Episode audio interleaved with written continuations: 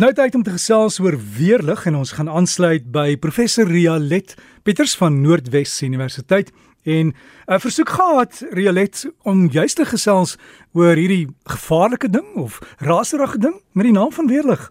So ek het gaan kers opsteek by die Nasionale Oseaniese en Atmosferiese Administrasie van die Amerikaners.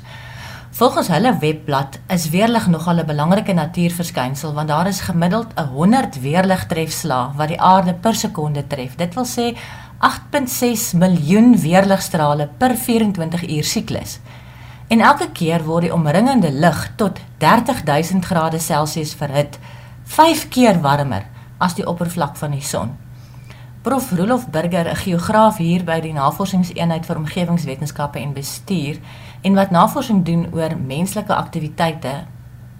Ekskuus, oor hoe menslike aktiwiteite atmosferiese prosesse beïnvloed. Sê vir my dat Suid-Afrika een van die lande is met die meeste weerligverwante sterftes. Weerlig kan binne in 'n wolk gebeur, tussen wolke of die derde kategorie en dis hier ehm um, wat dit vir ons belangrik raak is die weerlig wat in 'n stormwolk ontstaan en sy weg eers na die aarde se oppervlak vind.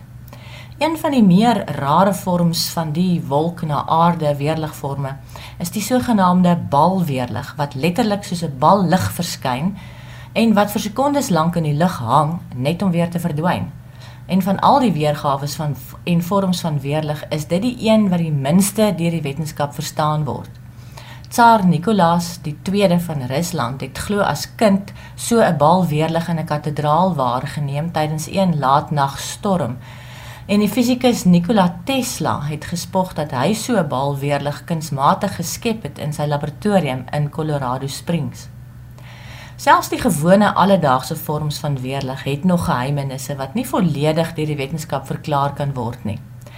Die verduideliking vir die ontstaan van weerlig wat die algemeenste aanvaar word, is dat stof en ysdeeltjies in 'n stormwolk negatief en positief gelaai word. En dan skei die positiewe deeltjies na die bokant van die wolk en die negatiewe deeltjies versamel aan die onderkant van die wolk. Die kant naaste aan die aarde dus. Hierdie negatiewe lading indiseer positiewe ladings op uitsteeksels van die aarde se oppervlak en hierdie elektriese velde word geleidelik sterker totdat die spanning ontlaai in die vorm van weerlig. Dit is egter nog onduidelik presies hoe 'n wolk elektriese ladings opbou. Klein haaldeeltjies kan of negatief of positief gelaai word afhangende van die temperatuur in die wolk en die ander deeltjies kry die teenoorgestelde lading. En aanvanklik word die ladings van mekaar geskei deur isolerende luglaag tussen die ladings maar ook net totdat die negatiewe lading groot genoeg is en plek soek om te ontlaai. En dan ontstaan daar hierdie trapleerkanaal waardeur die lading beweeg. Meeste weerlig, indien nie alle weerlig nie, het sy oorsprong in die wolke. Voordat dit die aarde tref, ontstaan 'n kanaal of tonnel in die rigting van die aarde. En wanneer dit so 90 meter van die aarde se oppervlak af is, stuur dit uh stuur voorwerpe soos bome en berge en geboue vonke uit in die rigting van die aankomende kanaal. En as die afwaarts bewegende kanaal dan in aanraking kom met een van die vonke, vloei 'n baie sterk elektriese stroom dan direk na die voorwerp waaruit die vonk gekom het. Dis egter so dat weerlig ook die grond kan tref, selfs al is daar hoër voorwerpe daar naby. Die ontlading kan natuurlik ook tussen positiewe en negatiewe ladings binne in die wolk of tussen wolke ontlaai, soos ek net nou so vinnig genoem het. Volgens een van die uitgawes van Bulletin of the American Meteorological Society wat in Mei 2022 aanlyn verskyn het, is die langste weerligstraal wat deur die Wêreldmeteorologiese Organisasie aangeteken is, een van 768 km wat in die suide van die FSA in April 2020 waargeneem is. Dis so ver soos wat Londen en Hamburg in Duitsland van mekaar is of die afstand tussen Kaapstad tot Kortestan Koelsberg as jy op die N1 ry. En in Junie van dieselfde jaar is daar 'n weerlig wat 17 sekondes lank geduur het aangeteken. Hierdie blits het oor Uruguay-Argentinië grens getrek.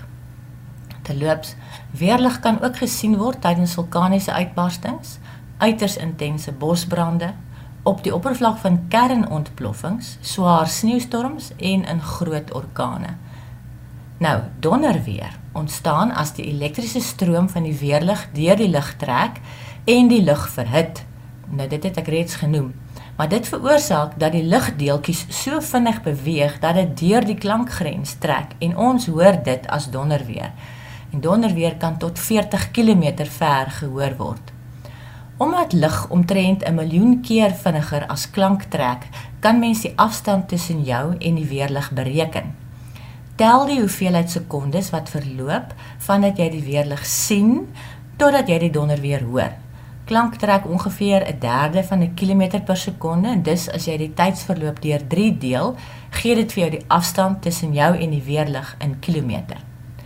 Die dele van Suid-Afrika wat die meeste deur weerlig getref word, is die eskarpementdele van Mpumalanga en KwaZulu-Natal, die suidelike helfte van Gauteng, die ooste van Noordwes en die noordelike dele van die Vrystaat. Dis eintlik maar die hele Hoëveld.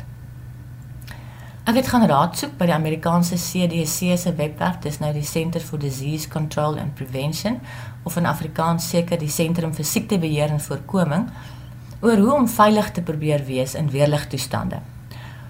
Volgens daardie webwerf is die veiligigste plek om te wees binne in 'n gebou of 'n voertuig met 'n behoorlike dak, nie 'n afslaankapkar nie. Die bakwerk van die kar dien as 'n weerligafleier, maar as jy in 'n afslaankapkar uh, sit, is die die dak is nie volledig van metaal nie.